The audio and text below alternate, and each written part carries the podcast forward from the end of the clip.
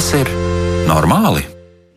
Esiet sveicināti! Vai esat kādreiz apdomājuši par to, vai varbūt nevajadzētu nemaz lasīt to ļoti, ļoti aizraujošo, bet vienlaiks mazliet šausminošo grāmatu pašā vēlā vakarā, vai varbūt nevajadzētu skatīties kādu filmu, vai varbūt arī ir kādam bijis tā, ka uzplaiksnī kādas atmiņas, kas ir nākušas no senas pagātnes un liekas joprojām ļoti, ļoti satraucošas. Un vēl arī citi stāvokļi un citi piedzīvojumi, eh, ja vispār tos par tādiem var nosaukt, citas pieredzes. Tās reizēm var izrādīt izrādīties arī tādas, kas mūs ietekmē diezgan ilgu laiku un izraisa arī dažreiz diezgan nopietnas problēmas. Par to arī šodien runāsim. Šodien vairāk par posttraumatiskā stresa sindromu, mēģināsim to izpētīt, un jāsaka arī tā, ka šis temats ir tapis atsaucoties tieši uz klausītāju vaicājumu pēc tā, ka vajadzētu par to mazliet vairāk parunāt. Nu, lūk, atgādinu studijā Kristiāna Lapiņa, bet pie skaņa pults Kārlis Rašmanis, un uzreiz arī pieteikšu viešņu, ar kuru šovakar apspriedīšu tematu par to, kā tad notiek tad, ja cilvēki piedzīvo ko ļoti, ļoti nozīmīgu. Un eh, tātad mūsu viesis ir Marina Brīce, kur ir klīniskā psiholoģija, viņa ir arī supervizora un arī ir specializējusies tieši šādu te specifisku situāciju risināšanā. Sveicināti! Labvakar! Nu, lūk, es gribētu varbūt sākt ar to, ka mm, dati, kas liecina par to, cik daudz posttraumatiskā stresa sindroma upuri, jeb cilvēku, kuriem tāda veida situācija, jeb, jeb sindroms pats par sevi ir attīstījies un situācija, kādu, kas to ir izraisījis, ir nācies piedzīvot, nu, svārstās līdz pat 7-8%. Savukārt, ja ir nu, tādas izmaiņas, un, piemēram, ja tas ir kara laiks, tātad kara situācija, tad dati liecina, ka tie var sasniegt līdz pat 60% no populācijas. Kas tad galu galā galā izraisa visbiežāk posttraumatisko stresu, jeb šo te posttraumatiskā stresa sindromu?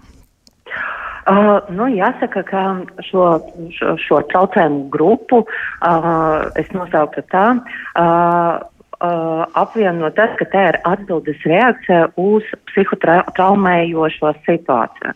Kā izlaicīgu, tā ilgstošu, un galvenais, ka tā ir um, situācija nevis jebkāda, kas izraisa kaut kādu stresu, diskomfortu, nepatīkamas emocijas, uh, kas ir būtiski, ka tā situācija ir traumatiska. Uh, cilvēkam bijusi sevišķi draudoša vai katastrofāla un uh, bija saistīta ar draudiem viņa dzīvībai, veselībai un izraisīja šausmas, baiļu, bezpalīdzības sajūtas. Uh, Tas var būt situācijas, kas saistītas ne tikai ar pašu cilvēku dzīvību un veselību uh, un draudiem tiem, bet arī novērot sev tūlu cilvēku tādu apdraudējumu vai nāvi. Uh, tātad uh, šie traucējumi, šie simptomi attīstās uz diezgan specifiskiem traumatiskiem notikumiem, un uh, tie, tie ir dažādi. Ir tādi jāsaka, universālie, piemēram, kā uh, nonākt uh, autokatastrofa vilcienā avārijā vai kaut kāds piedzīvot uh, smagu piekaušanu, fizisku vardarbību, izvarošanu. Tas ir uh, nu, absolūti uh, visiem cilvēkiem būs ārpus tādas ik, ikdienišķas cilvēciskas pieredzes, tajā skaitā kara darbības. Un jā, ir uh, uh, dati, kas, uh, kas liecina šobrīd ir skaidrs, ka um, vispār nu, pasaules populācijā šie mm, pēctraumas stresa traucējumi, traucējumi attīstās. Nu, 7-8% no populācijas mēdz mm, attīstīties, bet, uh, ja situācija bija ilgstoša, tā kā kara darbības, piemēram, vai uh, kad apdraudējums ir nepārtraukts vai tik bieži saisti, atkārtojas, kad nebeidzās, jo uh, šeit ir uh, liela starpība, ko speciālisti arī atšķir, kā traumas ir dažādas. Ir īslaicīgas, ja, piemēram, ja jūs kļuvat par mm, liecinieku, kā mašīna notrieca bērnu jūsu acu priekšā.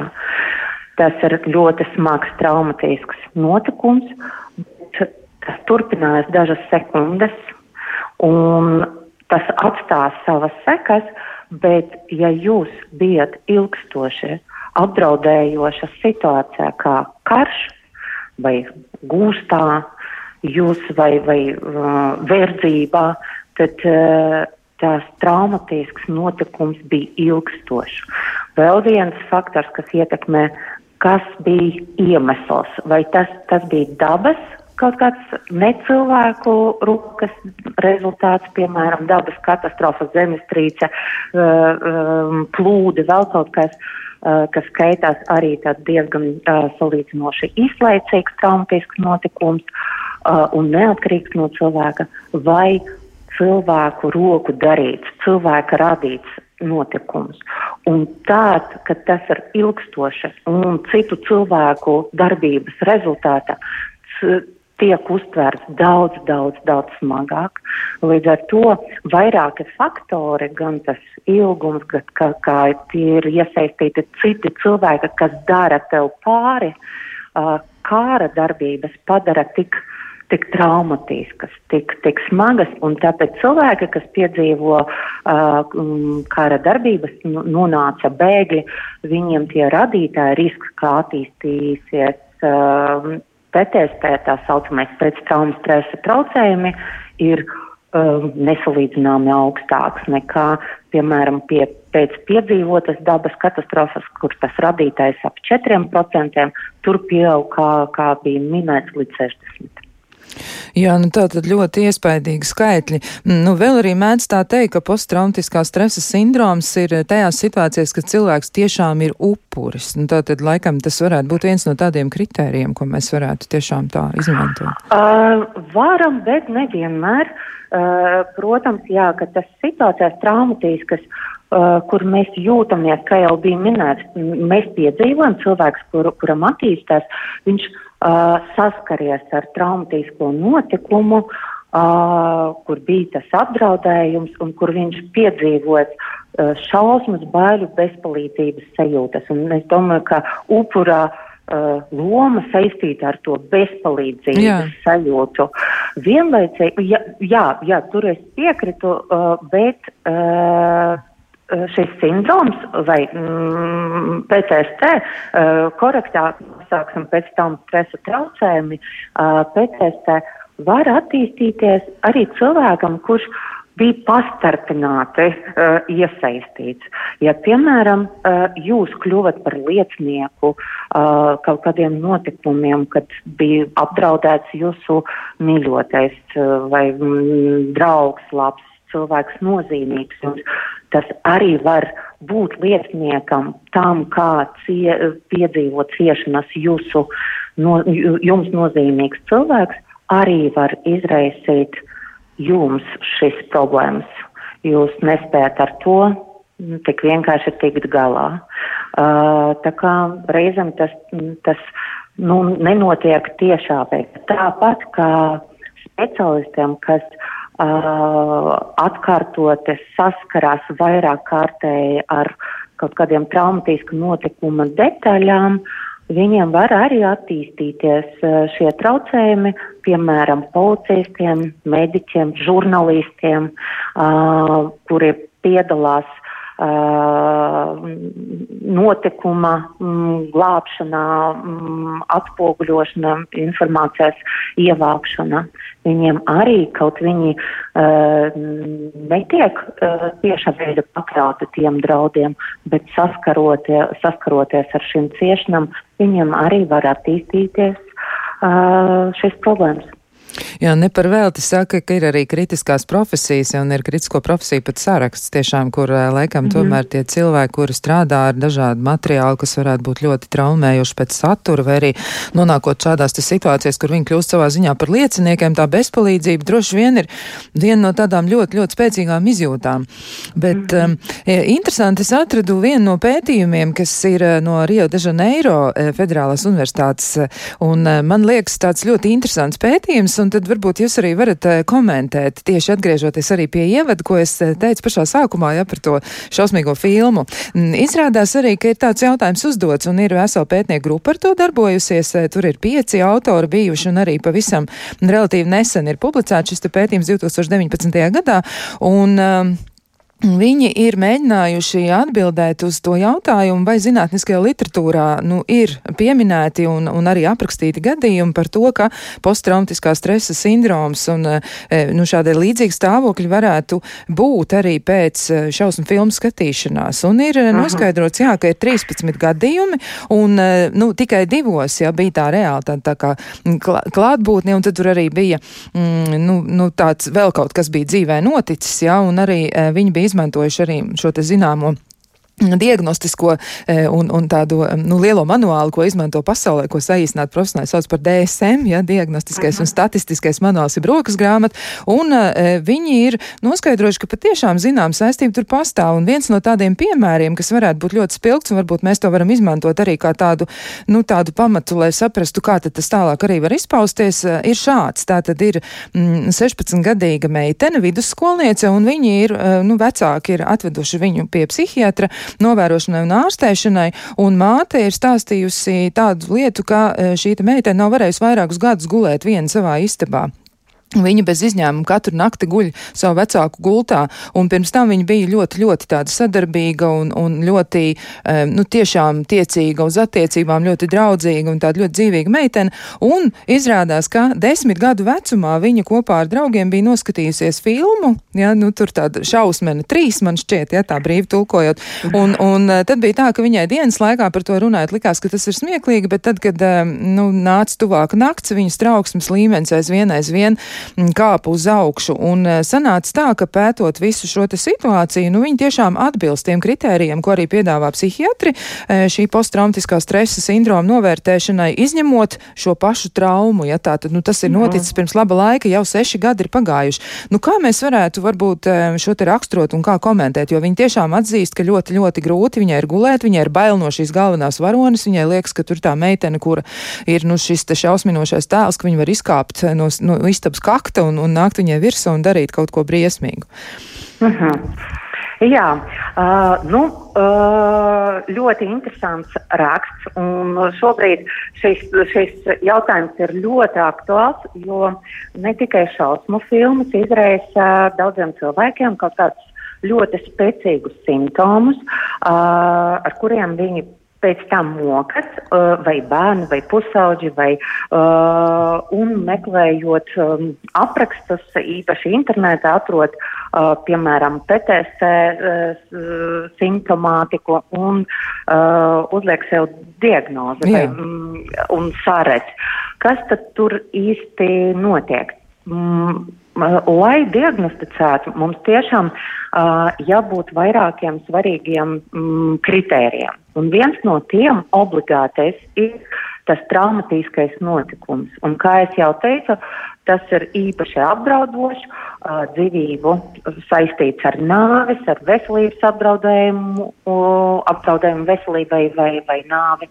Un, ja tāda nav, ja mēs redzam kaut kādu bīstamu situāciju, nepatīkamu situāciju uh, televizorā, ekrāna, tas netiek mūsdienas uzskatīts pat labam, pagaidām nav uzskatīts, ka tas ir uh, apdraudošs notikums.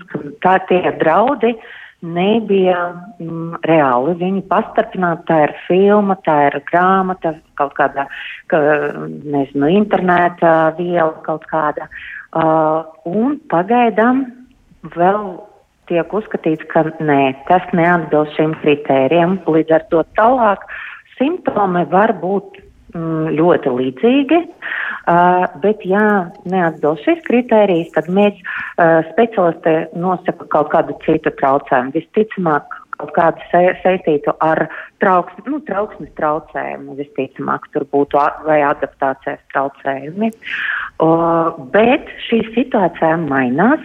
Uh, jo uh, jūs minējat vienu pētījumu, bet uh, ir vairāki uh, uh, tagad uh, vairākas situācijas, kad cilvēki, kas strādā kā moderatori, kuri savā ikdienā ilgstoši pavada laiku skatoties un analizējot kaut kādu video saturu, tā skaitā nu, sociālajos tīklos, tā skaitā Facebookā, kuri atlasa mm, kaut kādu materiālu, kas neatbilst nosacījumiem, uh, satur kaut kādas vārdarbības cenas. Uh, un uh, kā, aizliedz to rādīt citiem uh, cilvēkiem, tie moderatori savā ikdienā saskarās ar ļoti smagu vielu, un viņiem arī parādās šie simptomi.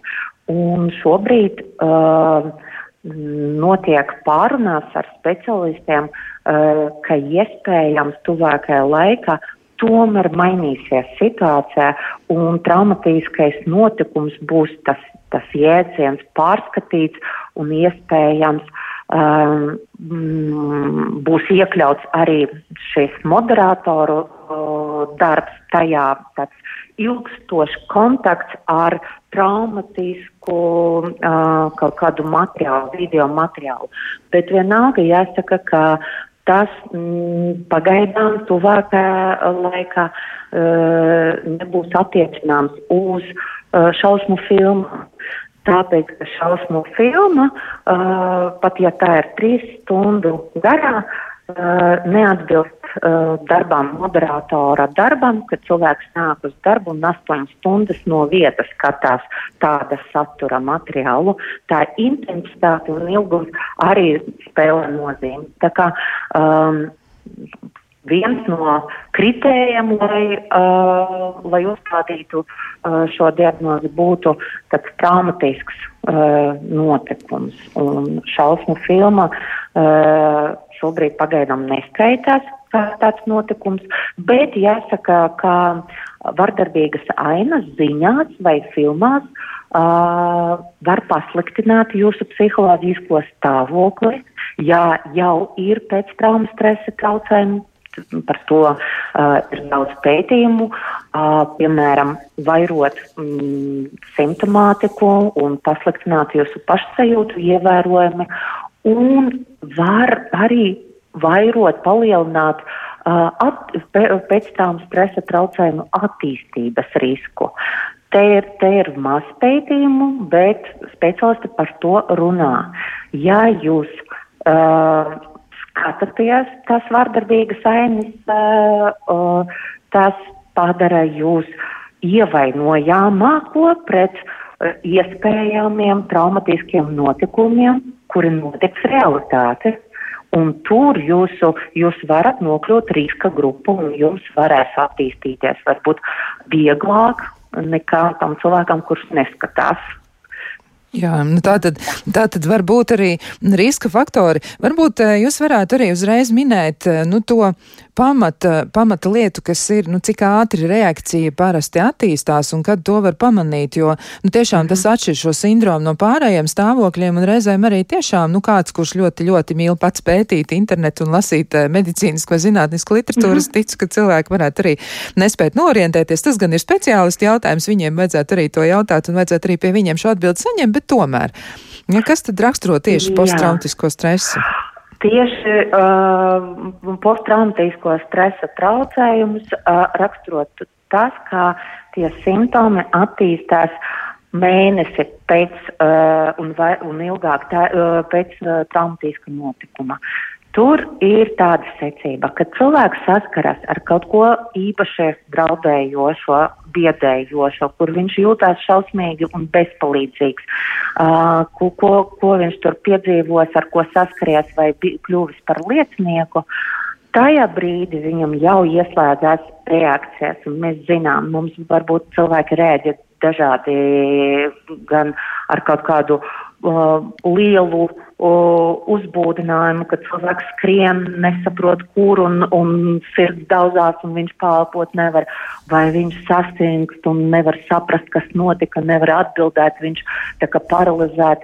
Ir dažādas tās reakcijas, viņas visas ir normālas, mums tur uh, mēdz būt vēl dažādas, sakot no tādas apāties līdz haotiskām kaut kādam darbībam, bezmiegs un apetītes zudums.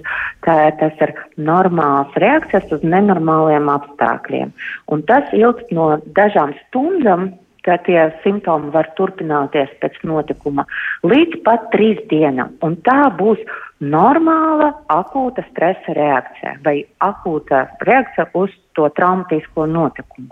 Ja tas turpināsies ilgāk, ja tur nāk klāt tādi simptomi, kā tādas uzmācības simptomi, kā nāk atkārtotas uzmācīgas atmiņas par traumatisko notikumu, kaut kāds uh, nepat, negaidīti nepatīkamu atmiņu uzplaiksnījumi, uh, miegs traucēts, uh, jums šķiet, ka jūs tā kā skatāties uz notikumu vai atcerēties, un jums sajūta, ka tas viss notiek tā kā nereāli, kā kino. Un tas ilgs no trīs dienām līdz mēnesim. Tā skaitā saucās akūta, akūtie stresa traucējumi. Uh, un tur nepieciešama jau speciālista palīdzība. Tātad atcerējāmies pirmās dienas, mums uh, var palīdzēt uh, tuvinieku atbalsts, kaut kāda, nezinu, silta tēja un kāds klāts spēja, ja ir vēlme izrunāties, pārunāt notikušo, centieni tur, nezinu, atbalst, lai cilvēks pārēstu atgādinājumu viņam mm, aizietu laicīgi gulēt, lai nelietotu alkoholu, kā mēs uzstādīgi piedāvāt, kaut kāds tāds vispārējais cilvēciskais atbalsts ir ārstējošs un palīdzošs. Ja tas ilgst ilgāk par trīs dienām, un tas ir mokoši, tas, tas traucē, būtu vērts jau meklēt psihologa, psihiatra, psihoterapeita palīdzību. Bet šie simptomi var turpināties, un jau pagāja nedēļa, divas, trīs un četras, visi tie simptomi pieaug vai nemainās, un cilvēkam vēl joprojām nāk atmiņās nepatīkams, uzmācīgas. Viņš visu laiku tā kā iestrēdz uh, tajā traumatiskajā notikumā. Uh, un, ja pagājis mēnesis no notikuma, uh, un šie simptomi, tu daļas vēl nosauksim, mēs aizmirstam nosaukt visus, kādi tie ir, uh, izņemot, uh, izņemot uzmācīgas domas un atmiņu uzplaiksnījumus. Ja pagājis mēnesis un tie simptomi turpinās, uh, tad mēs varam runāt jau par uh, pēc, trau, stra, pēc stresa traucējumiem. Vēl mēdz būt tā, ka cilvēks piedzīvojis traumatisko notikumu, un pēc dažām dienām visi tie simptomi lēni izzuda. Viņš it kā viss jau dzīve iet uz priekšu, it kā viss uh, kaut kur sāka tā izbalēt, pagājis laiks, un pēkšņi viņam atsākas kaut kādi atmiņas uzmācīgas, tas, tas uh, sapņi, domas par notikušo, uh, un visa simptomātika nāk klāt, tas arī ir PTSD, jo tā ir novēlota vai ielgūsa atbildes reakcija uz trauma, traumātisko notikumu. Tā ir tās šī traucējumu uh, specifika, ka tā var būt vai no nu ielgusi reakcija, vai tiešām novēlota. Un jāsaka, diemžēl, ka es arī savā praksē saskaros ar cilvēkiem, kuriem šā, šī simptomātika attīstījusies, uh, piemēram, gadu, pe, gadu pēc piedzīvotā traumatiska notikuma. Un tas ir diezgan biedējoši tam cilvēkam, jo viņam šķiet, ka kā, kā tas var būt, kāpēc.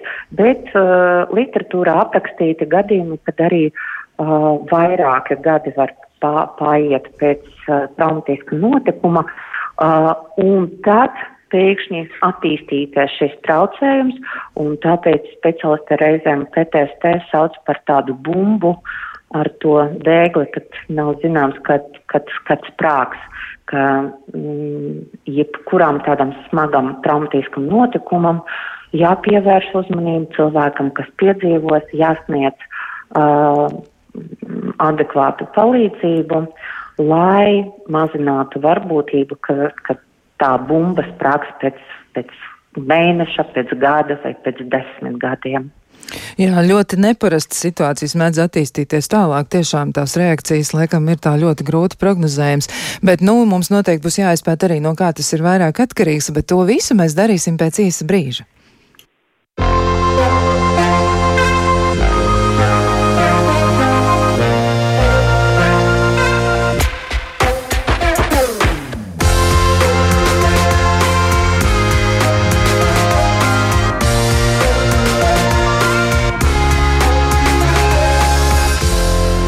Vai tas ir normāli? Mēs turpinām un uh, gribu atgādināt arī, ka raidījuma laikā mēs atbildām uz jūsu jautājumiem, jūs noteikti varat tos pilnīgi droši iesūtīt e-pasta adresi, izmantojot, un tā ir tāda, vai tas ir normāli at Latvijas radio.lv, un varat izmantot arī ziņojumu logu Latvijas radio mājaslapā, tad mēs tūliņ uzreiz nekavējoties ieraugām jūsu ziņojumu, un uh, noteikti nekavējieties to darīt, jo arī jūsu līdzdalība nosaka to, kāds kārtējo reizi, kāds temats varētu tikt izpētīts, un iespējams, ka jums ir arī savas vēlmes tēmas, kuras eh, mēs varam arī noteikti piepildīt, aicinot dažādus speciālistus sarunu, kuri palīdzēs vairāk saprast, kas tad kurā situācijā notiek.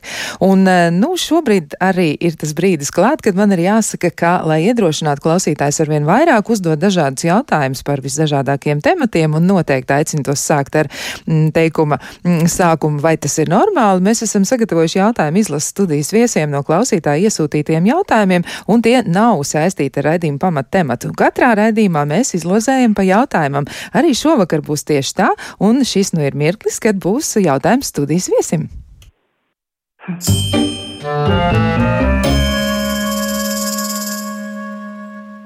Nu, lūk, Marina, tagad būs jāizvēlas skaitlis no 1 līdz 3. 1, 2 vai 3?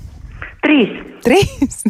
labi, nu, um, labi, nu tad divi tādi ļoti amizanti jautājumi iet secen, bet, uh, nu, trešais jautājums tas ļoti vienkārši ir. Uh, viena no klausītājām mums uh, saka tā, ka viņai ir autovadītāja apliecība un uh, visi cilvēki citi saka, ka viņi prot ļoti normāli braukt, bet viņas vīrs nekad neļauj viņai braukt ar automašīnu. Viņš neļauj, nelaiž viņu pie stūras. Vai tas ir normāli? Ko viņai darīt šādā situācijā? Um, es domāju, ka jādomā, kā mm, pārunāt ar vīru, kā pārliecināt viņu, uzzināt viņas motīvus vai mm, domas, kāpēc viņš neļauj, uh, par ko viņš uztraucās. Uh, jāmēģina saprast, kā, kas tur stāv un, un varbūt pārunāt un nomierināt viņu vai uzzināt, kas viņam palīdzētu un netraucēt viņiem un sēsties pie stūres. Um. bet, jā, bet, bet, tas, bet tas varētu būt arī tāds nu, jautājums par uzticēšanos, jo reizēm jau cilvēkiem, kas sēž blakus tam vadītājam, nu, viņam ir tā grūti, un varbūt vīrs par to ne, nevar jā. tā tik galā. Iespējams, man, man ir vairākas, um, īsti nav skaidrs, kas tur um, vīram kādi, kā, kādas domas. Vai nu viņam žēl savu mašīnu, piemēram, ļoti labi, es iztēlos tādu situāciju, un viņš baidās, ka sieva varbūt kaut ko nodarīs. Tad es ieteiktu, laikam, uh, nu, varbūt iegādāties vai, vai mainīt mašīnu, vai iegādāties vienkāršāku mašīnu, ar kuru uh, ļaut sievai braukt, vai viņai pašai iegādāties, vai kaut kā uh, to atrisinātu, vai pārskatītu to mašīnas vērtību. Uh, vai, vai tā ir tiešām tik nozīmīga, vai tas ir uh, vienīgais iznākums, ka ar mašīnu kaut kas notiks, ja viņa apsēdīsies pie stūris. Uh, varbūt cita ideja, piemēram, ka vīrs ļoti satraucās par sievu, kā ar viņu kaut kas notiks, ka kāds cits iebrauks vai kaut ko nodarīs pāri. Varbūt viņš raizēs nevis par mašīnu, bet tieši par savu sievu. Tad varbūt arī mm, ar vīru parunāt, eh, kādas mm, vēl ir kādi scenāriji, vai tiešām tā ir vienī, vienīgā, uh, vienīgais iznākums, uh, ka kaut kas notiks. Uh, Trūkst informācijas, bet mm, es uh, noteikti ieteiktu meklēt iespējas, uh, darīt šīs lietas, um, kaut kā pārvarēt to, šo šķērsli, um, vīra negribēšanu uh, un darīt, uh, vadīt mašīnu. Tas ir lieliski tas ir lieliski. Nu, tātad, nu, mums tiešām nav sīkāku ziņu, ja tas jautājums tiešām ir tāds, Jā. kāds tas ir, bet, nu, cerēsim, ka izdosies atrisināt, jo tas tiešām varētu būt par ļoti dažādām idejām, un tad jau droši vien ir vērts par to aprunāties par šiem scenārijiem. Bet uh, atgriežoties pie posttraumatiskā stresa sindroma un arī pie posttraumatiskā stresa sindroma traucējumiem, um, nu, kas vēl varētu būt arī pie šī posttraumatiskā stresa sindroma tās izpausmes? Uh, nu, jūs teicāt mhm. arī, ka tur var būt novēlotas kādas reakcijas. Nu, literatūrā arī ir diezgan daudz dažādas lietas pieminētas, un uh, reizēm tas ir arī kaut kas, kas ir par attiecībām, kur cilvēki, tie, kas ir blakus, viņi pamana, ka kaut kas nav īsti kārtībā, un viņi pat nezina to priekšvēsturi, bet viņi saka, mans kolēģis vai mans radinieks vai mans draugs, nu, bet, nu, kaut, kaut kā ir sācis uzvesties, nu, kaut kā dīvaini, es viņu neatpazīstu. Mm -hmm. Kas varētu parādīties attiecībās, kas vēl varētu būt pamanāms, ja cilvēkam šādi te ir nācies piedzīvot kaut ko ļoti, ļoti tādu, nu, postošu savā ziņā? Mm -hmm. Uh... Jā, es atbildēšu, bet es gribētu laikam uh, tomēr atkārtot visas pamat simptomus, jo tie ir ļoti saistīti, un ja, es domāju, arī klausītājiem būs daudz skaidrāk, kāpēc kaut kas mainās attiecības. Uh, pirmkārt, cilvēks saskarās ar kaut kādu tādu notikumu, kas, kas viņam nu, ir ļoti uh, sa grūti sagramojams. Tur bija draudi, tur, mm, tur es gandrīz nomiru, vai, vai nezinu, es biju tuvu, man, man kaut ko darīja tādu, ka es nespēju pretoties, nespēju novērst, es biju, nu, mm, pakļauts tam visam tam šausmam. Un tas notikums ir tik smags, ka um, atmiņas par to, par to notikumu, viņi tā, tā kā iekapsulējas smadzenēs un nāk virsū. Ar, tas, tas ir pirmā grupa e, ar traumatisko notikumu saistītie uzmācības simptomi. Tas var būt, kā es teicu, atkārtotas uzmācīgas atmiņas par traumatisku notikumu, uh, sapņi, ka cilvēks naktīs bieži filmas parāda, parāda mums, kā varonis pēc kara, pēc kaut kādiem notikumiem pēkšņi pamodēs, nakts bailes, šausmas, nakts šausmas, kad uh, sviedros un uh, sēklu elpo un sirds daudzās viņš redzēs. Un, cilvēki redz šīs atmiņas reizēm tā, ka viņam šķiet, ka viņi ir atmesti atpakaļ tajā notikumā. Un, uh, tas, tas ir ļoti specifiski tieši šiem traucējumam un ļoti biedējoši.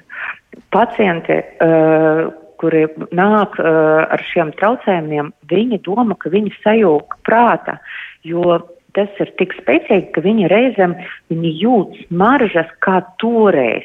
Deguma smaržu, kā es nezinu, kur bija sprādziens vai vēl kaut kāds, ka tas ir tik realistiski, ka šķiet, ka tu nesi šeit drošība sava ģimene, bet tu atkal esi tur, atkal tajā traumā.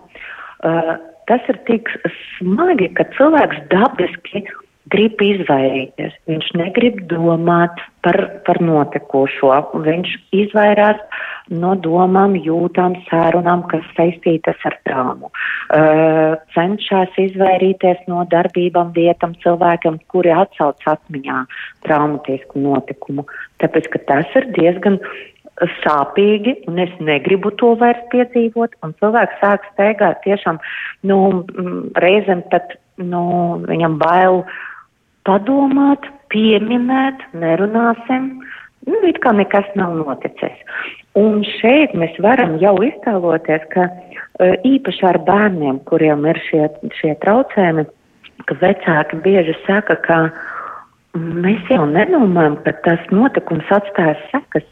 Bērns ne, ne reizi nav pieminējis, vai pusaudzis. Viņš nekad neko nav teicis. Mēs domājam, ka, ai, nu notika, bet viņš jau aizmirsis. Un tā ir tā liela kļūda, ka cilvēks nav aizmirsis. Viņa traumas sēž kā, um, es nezinu, kā tāds, um, kā nagla karstā smadzenes un visu laiku pulsē un dod to uh, impulsu atcerēties mm, traumu. Bet cilvēks negrib, viņš cenšas mazināt savas ciešanas un cenšas nedomāt. Un tāpēc nepiemin, tāpēc klusē. Un apkārtējiem liekas, ka, nu, ja nerunā, tad jau viss, nu, tā kā izbeidzās. bet cilvēkam sāp, un viņš nerunā, tāpēc, ka tas sāpina. Un vēl vairāk cilvēks izjūt to, ka viņš ir jocīgs, ka viņu neviens nevar saprast, viņam pieaug tāda atšķirtības un atsvēršinātības sajūta, un uh, to pamana apkārtējā arī attiecības ģimenes locekļi, ka kaut kas nav tā, ka cilvēks tā kā izolējas, varbūt sāk izvairīties un vairs um, neiet nezinu, pie draugiem vai kaut kādas vietas apmeklēt, kas viņam varbūt atgādina kaut kādu to traumatisko notikumu.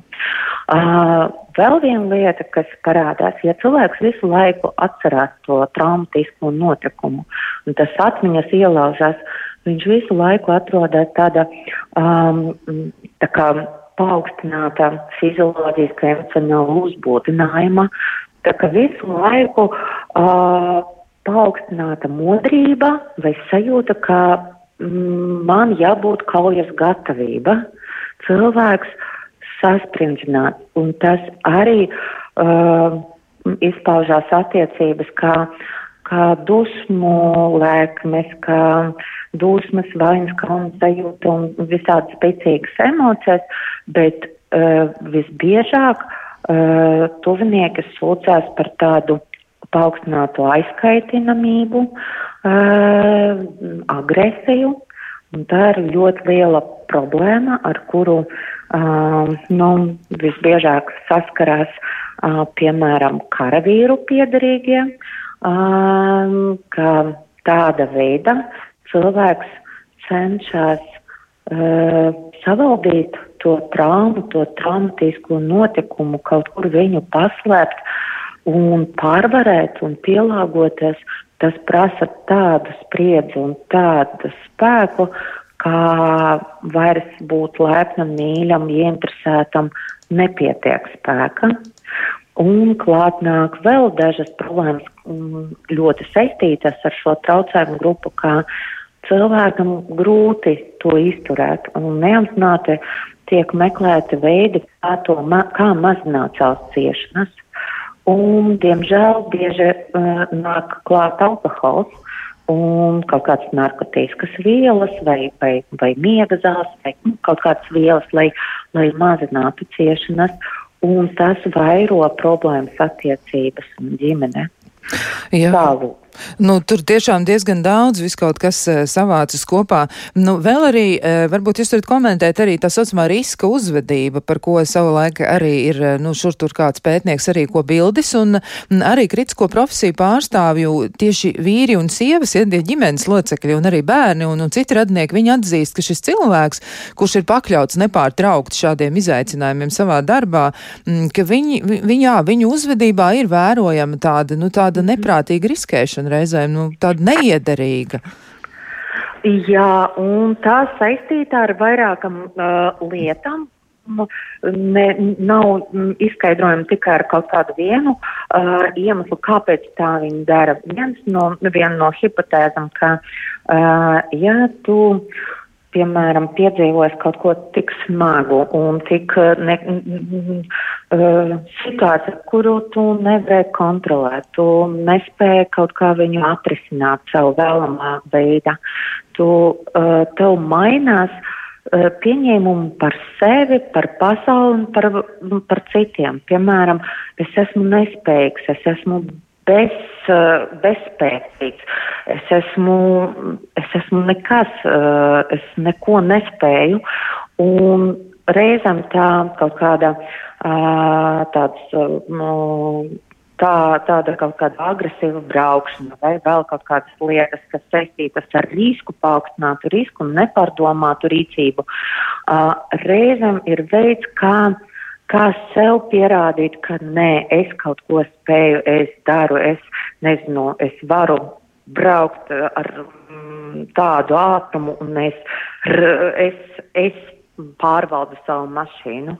Uh, tas ir viens iemesls. Otrs, uh, reizēm tas dod to uh, uzbūdinājumu un tādu spriedzi un tādu koncentrāciju, kaut kādu emociju, kā lai lai izsistu ciešanas, cilvēks izvēlās šo veidu. lai nedaudz aizēnotu uh, to saturu nemitīgi, kas atgriežas un atgriežas tavā galvā.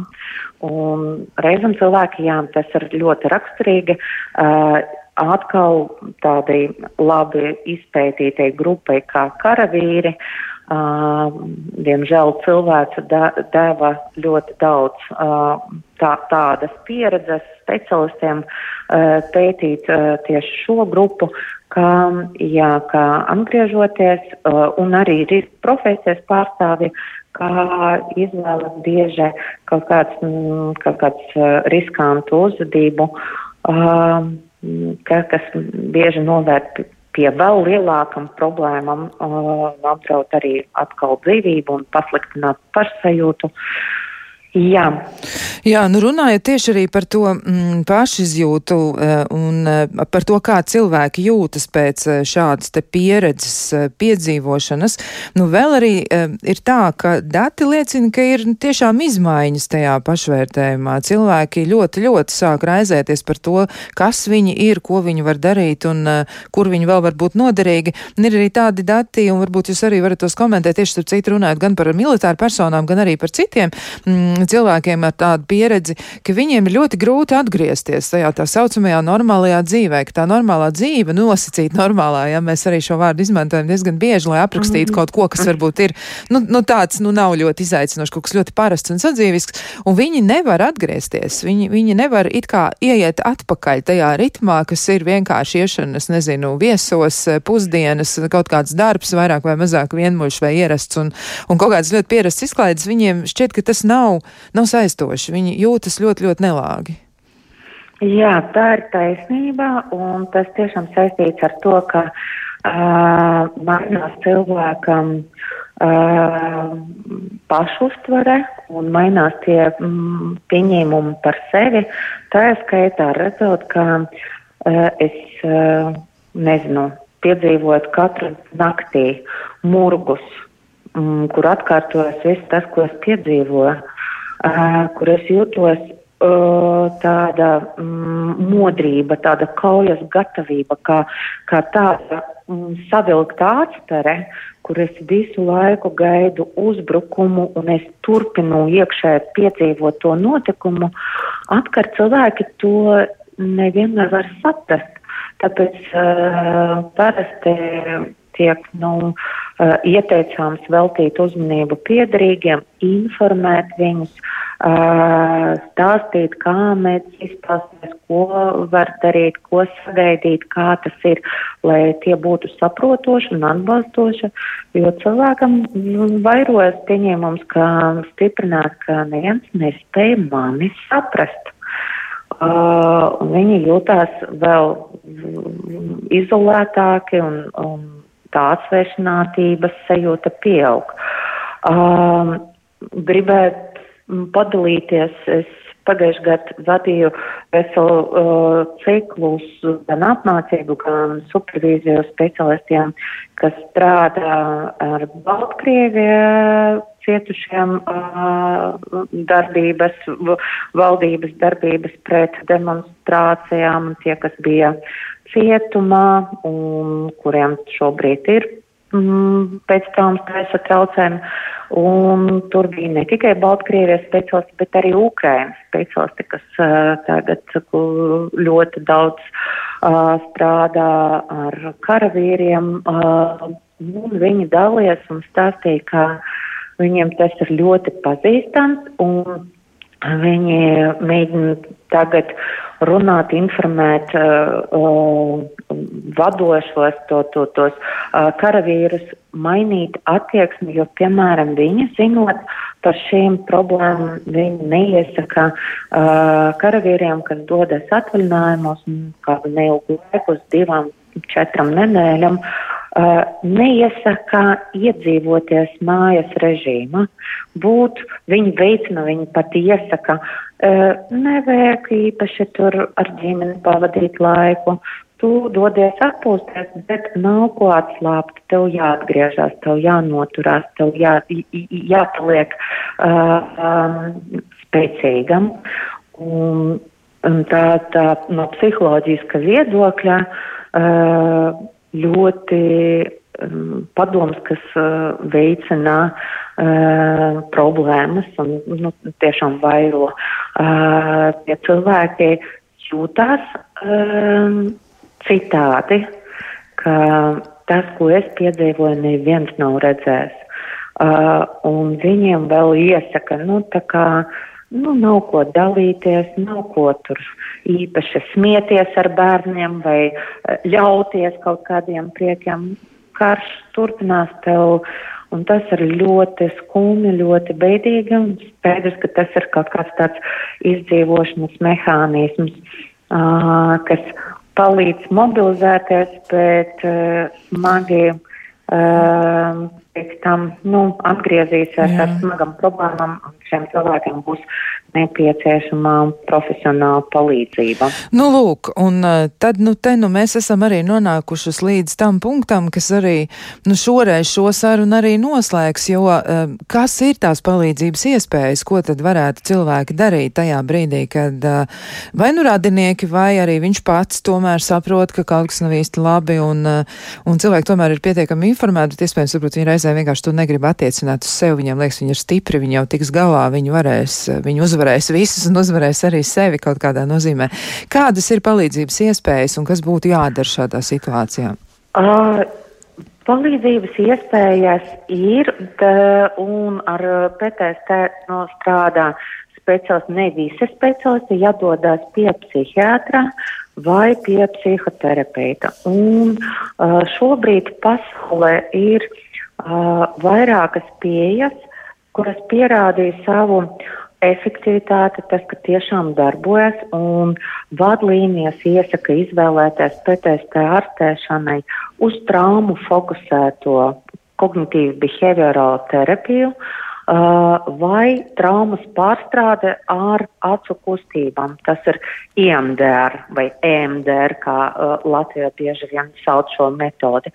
Tātad būtu ieteicams doties vai nu pie psihiatra, un pārunāt ar viņu savu simptomātiku, sūdzības un paklausīties, ko ārsts ieteiks, kādu ārstēšanu un kādu ārstēšanu spēs nodrošināt.